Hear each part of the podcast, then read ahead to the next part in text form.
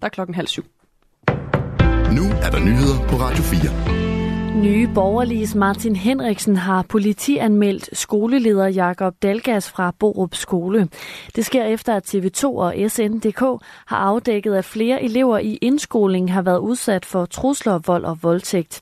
I anmeldelsen, som Radio 4 også har set, står der blandt andet, at skolelederen bliver anmeldt for ikke at gribe ind over for overgreb begået mod børn. Martin Henriksen mener, at en berøringsangst fra ledelsens side er skyld i, at man ikke har grebet ind over for en meget ondsindet kultur. Hvis ikke vi sørger for at øh, sige fra over for en uhensigtsmæssig adfærd, når den småt begynder, jamen så er det jo, at tingene vokser sig større, og så er det lige pludselig så kan det øh, spænde fuldstændig ud af kontrol, og det var noget, der tyder på, at øh, det, er, det er det, der er sket her. Der har jeg så vurderet, og det står jeg ved, at så synes jeg, at de ansvarlige af ledelsen, som jo har et særligt ansvar, især når vi taler om børn og unge, og hvis ikke man har levet op til det, og det er der meget, der tyder på, at man ikke har, så skal det jo også have en konsekvens, og det må politiet så vurdere. Midt- og Vestjyllands politi har bekræftet over for TV2, at de har modtaget en anmeldelse, som vedrører sagen på Borup skole. Og Martin Henriksen lægger altså ikke skjul på, at det er ham, der har indgivet anmeldelsen, og at det drejer sig om skolelederen. Rusland stopper sine årlige betalinger til Arktisk Råd. Det sker indtil det rigtige arbejde med deltagelse af alle medlemslande bliver genoptaget i rådet. Det oplyser det russiske udenrigsministerium, skriver nyhedsbureauet Reuters. Møderne i Arktisk Råd blev sat i midlertid, midlertidigt på pause efter Ruslands invasion af Ukraine i februar 2022. Pausen blev aftalt af Danmark og de seks andre medlemsstater i Arktisk Råd ud over Rusland. Det fremgår ikke umiddelbart, hvor meget Rusland betaler til rådet. I rådet så bliver der normalt drøftet arktiske anlægner. Det gælder eksempelvis miljøbeskyttelse, sundhed og marint samarbejde.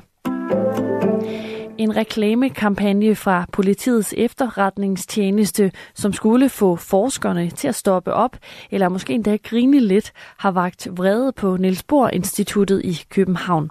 Angela Brink fortæller. Over 180 forskere og studerende har underskrevet et protestindlæg i Ingeniøren, hvor de kalder kampagnen for eksplicit racisme og kræver den fjernet. Blandt andet lyder det på en plakat på et busstoppested. Du står af ved Niels Bohr Instituttet, men havner dit arbejde i Teheran. Vi mener, der er tale om en eksplicit racistisk kampagne, der sætter ikke-hvide indvandrere i centrum.